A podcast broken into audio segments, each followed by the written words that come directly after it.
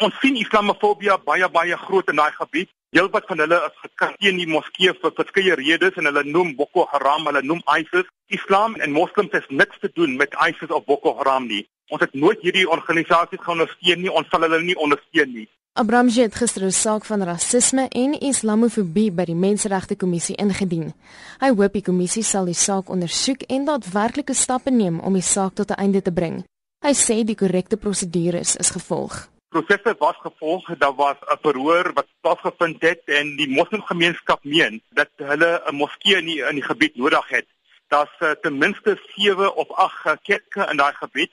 Dit is 'n gemeenskap van omtrent 200 moslimfamilies En ons glo dat mense wat gekant is teen die moskee is besig met 'n veldtog om die moslems uit te hou van daai spesifieke gebied. Ons grondwet maak voorsiening vir vryheid van ons godsdiens en ons het reg om 'n moskee in daai gebied te hê.